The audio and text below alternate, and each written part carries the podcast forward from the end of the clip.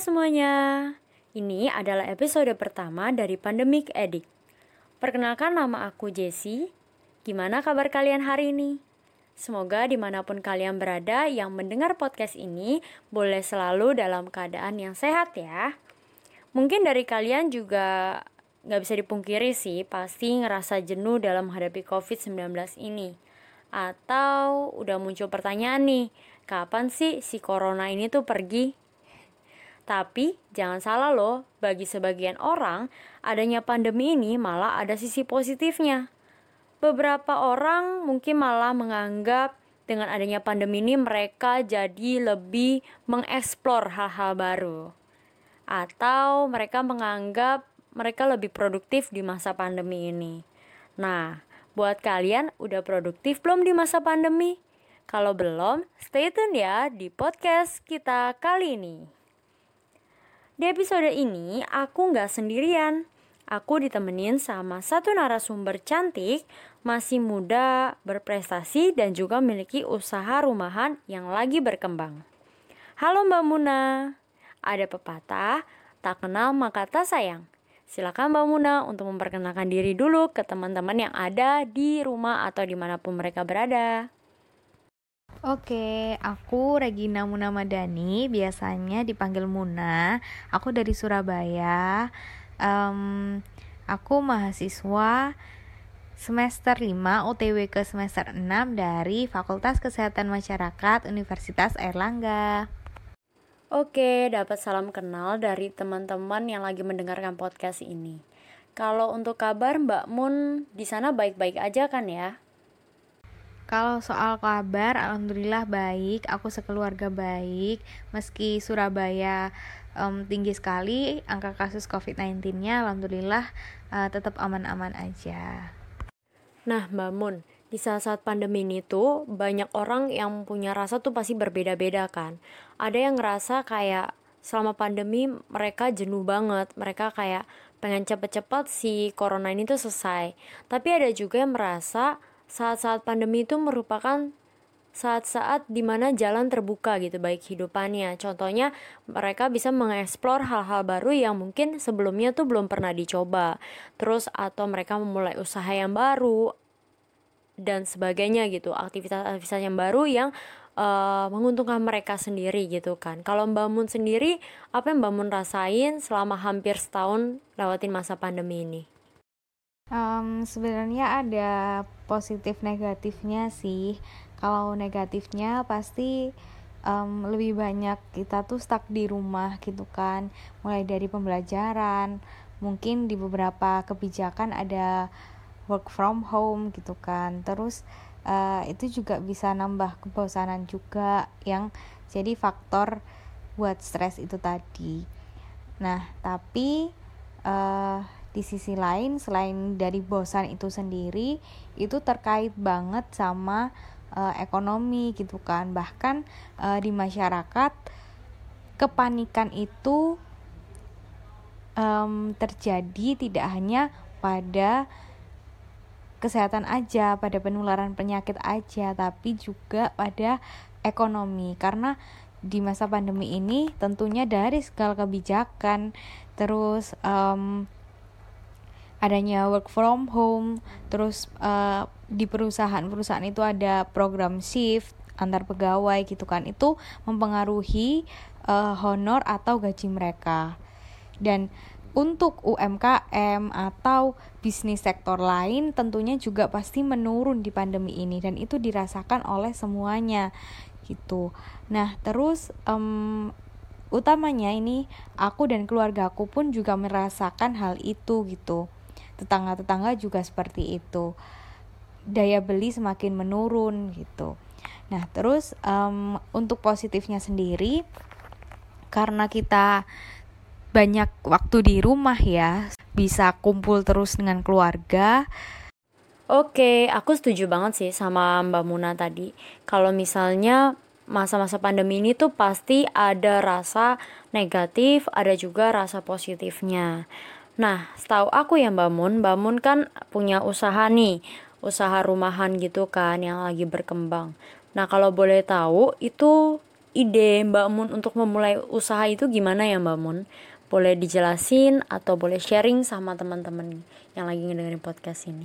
Um, kalau untuk aku nih mahasiswa ya, itu waktu yang buat offline di kuliah itu jadi online di rumah dan lebih banyak waktu lagi untuk uh, kita nggak mobilisasi dari rumah ke kampus kayak gitu kan. Nah hal-hal seperti itu uh, kalau nggak kita manfaatkan dengan baik itu akan menurunkan produktivitas gitu nah aku di sisi lain karena bosan di rumah terus adanya uh, faktor tadi ekonomi tadi um, mikir nih gimana caranya bisa ngatasi kedua hal ini dan di rumah ini biar tetap produktif meski kuliahnya di rumah dan waktunya lebih bisa dibuat kita rebahan kayak gitu kan. Nah, akhirnya muncullah ide untuk uh, bisnis kue karena emang aku suka banget bikin kue. Terus um, karena uh, dengan beriringnya waktu yang berjalan ini udah mulai pelajarin tuh gimana uh, bisnis di sosial media kayak gitu. Dan semuanya aku otodidak nggak nggak ikut training dan lain sebagainya gitu kan. Terus coba mulailah itu mulai dari awal dari skill yang aku punya bekal seadanya itu tadi aku bikin kue kering lah itu waktu lebaran karena itu awal pandemi kan. Ternyata banyak banget yang order sampai um, kewalahan gitu kan nah akhirnya karena kewalahan itu aku bisa um, tetangga yang mereka itu terdampak sekali adanya pandemi COVID-19 ini. Jadi uh, ya ngebantu aku gitulah. Tapi ntar kan aku bisa ngasih mereka gitu dari dari penjualan kue kueku tadi itu. Nah, terus uh, seiring berjalannya waktu uh, aku ikut kursus lagi. Sekarang kan banyak banget kursus online. Nah, um, positifnya lagi dengan adanya kursus online itu kita bisa dapat pelajarannya, tapi juga dari segi waktu lebih fleksibel karena kita di rumah, terus dari segi biaya juga lebih hemat gitu. Nah, akhirnya aku ikut kursus, banyak kursus dan aku terapkan itu Terus aku mulai buka berbagai varian dari kueku itu tadi. Jadi nama nama iniku kueku itu IG-nya, Instagramnya @pastaycoach. Sekalian promosi ya Mbak Mun ya. Buat teman-teman yang di Surabaya bisa nih kalau kalian ada yang ulang tahun atau mau pesenan kue-kue kering atau mau kasih hampers bisa langsung ke IG-nya Paste Coach, Paste COJ. Nanti aku lampirin di deskripsinya ya. Dari cerita Mbak Muna tadi, aku tuh jadi penasaran. Uh, gimana sih cara Mbak Muna tuh menginovasikan produk yang ada di Paste Coach ini? Aku buka uh, open PO buat kue tart, soft cookies, pokoknya kue-kue kekinian. Nah, hal-hal seperti itu yang inovasi baru yang perlu kita cari terus-terusan kayak gitu loh. Dan aku dari awal udah memutuskan target pasarku. Target pasarku ya temen-temenku, levelku, ya mahasiswa kayak gitu kan.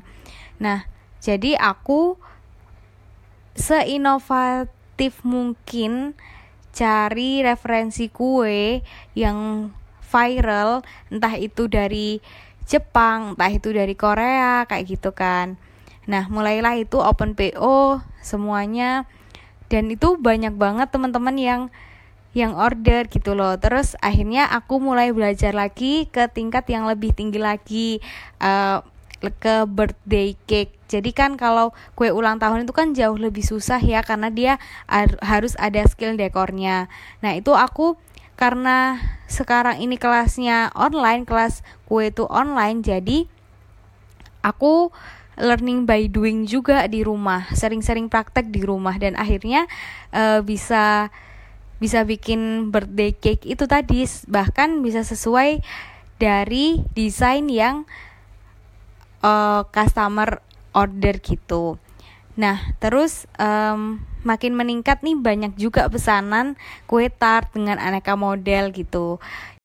Nah, Mbak Mun, seperti yang Mbak Mun ceritain, kadang tuh banyak anak muda yang udah sampai berada di posisi mencari inovasi dan sudah bisa menemukannya. Tapi ada kendala berikutnya nih mengenai modal dana. Kalau misalnya nih Mbak Mun kan bikin kue, pasti kan ada peralatan-peralatan. Misalnya Mbak Mun belum punya loyangnya atau uh, belum punya apa namanya oven atau segala macam. Nah itu dari Mbak Mun sendiri gimana uh, bisa mendapatkan modal itu? Untuk peralatan-peralatan yang aku belum punya, terus uh, belum ada sebelumnya gitu kan, itu alhamdulillahnya aku dapat beasiswa dari Pertamina.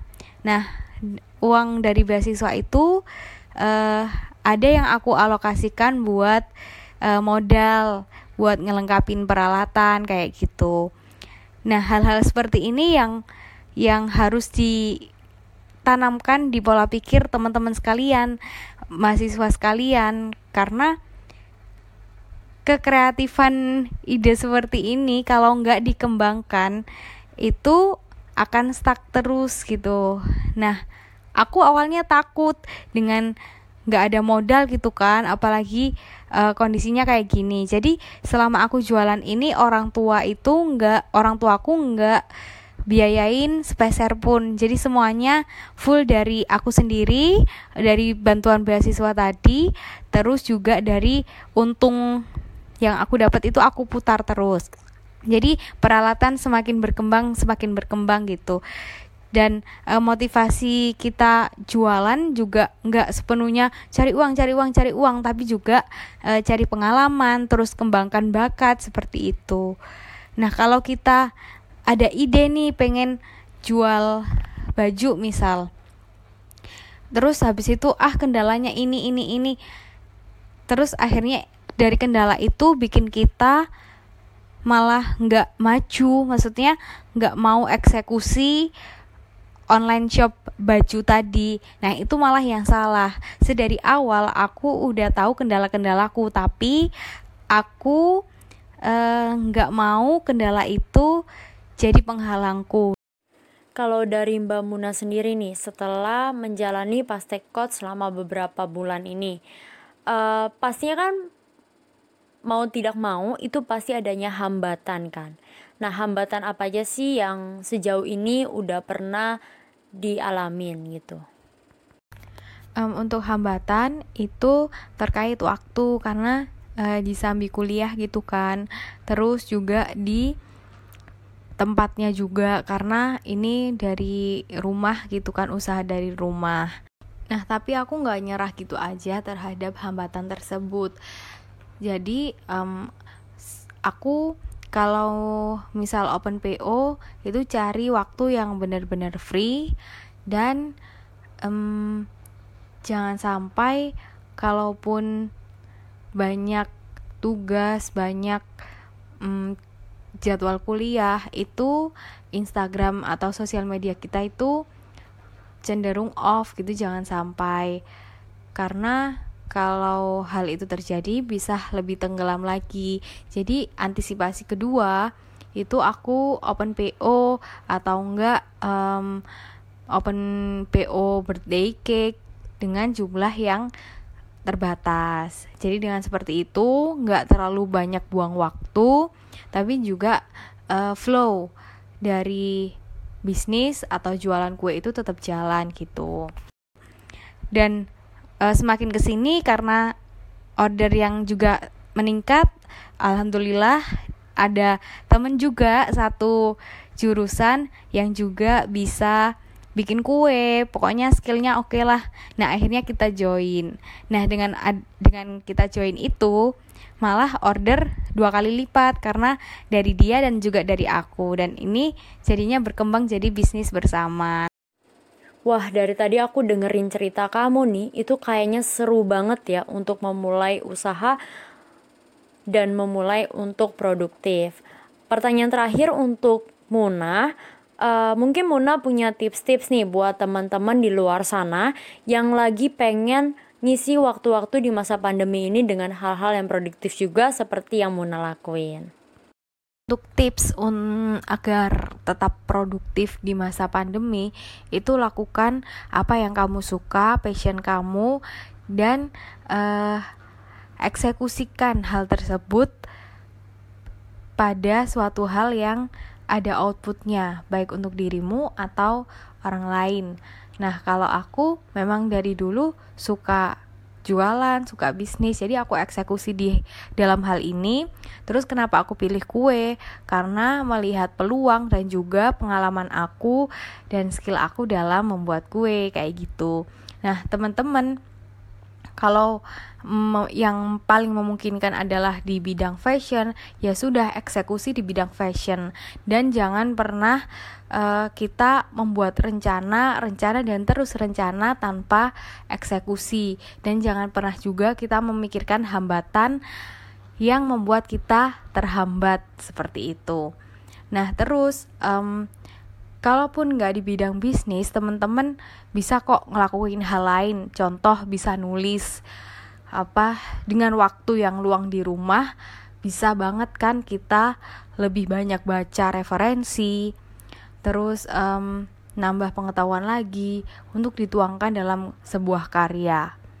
Jadi banyak hal yang bisa kita lakukan seperti itu. Atau kalau suka tanam menanam nih bisa kita buat hidroponik di rumah atau inovasi apa di rumah seperti itu. Pokoknya jangan sampai kita hanya membuang waktu yang lebih fleksibel karena kita di rumah dengan apa ya rebahan atau hanya sekedar main handphone gitu kan. Lakukan eksekusi apa yang teman-teman suka dan usahakan ada output bagi diri teman teman sendiri sama orang lain. Gitu aja sih. Hmm, sekian aja ya mungkin dari aku. Semoga bermanfaat. Dadah semua. Oke, terima kasih buat Mbak Muna yang udah nyempetin waktunya nih untuk sharing-sharing tips sama kita-kita semua yang lagi mencoba untuk produktif mengisi waktu-waktu di masa pandemi ini. Nah, buat kalian semua yang lagi di rumah, jangan pernah takut untuk mencoba. Jangan pernah uh, sebelum dicoba udah takut duluan nih kayak aduh aku takut ini, aku takut itu. Nanti malah semakin sulit untuk memulai sesuatu yang pengen kalian lakuin. Oke, sampai di sini aja podcast kita kali ini. Sampai jumpa di episode berikutnya.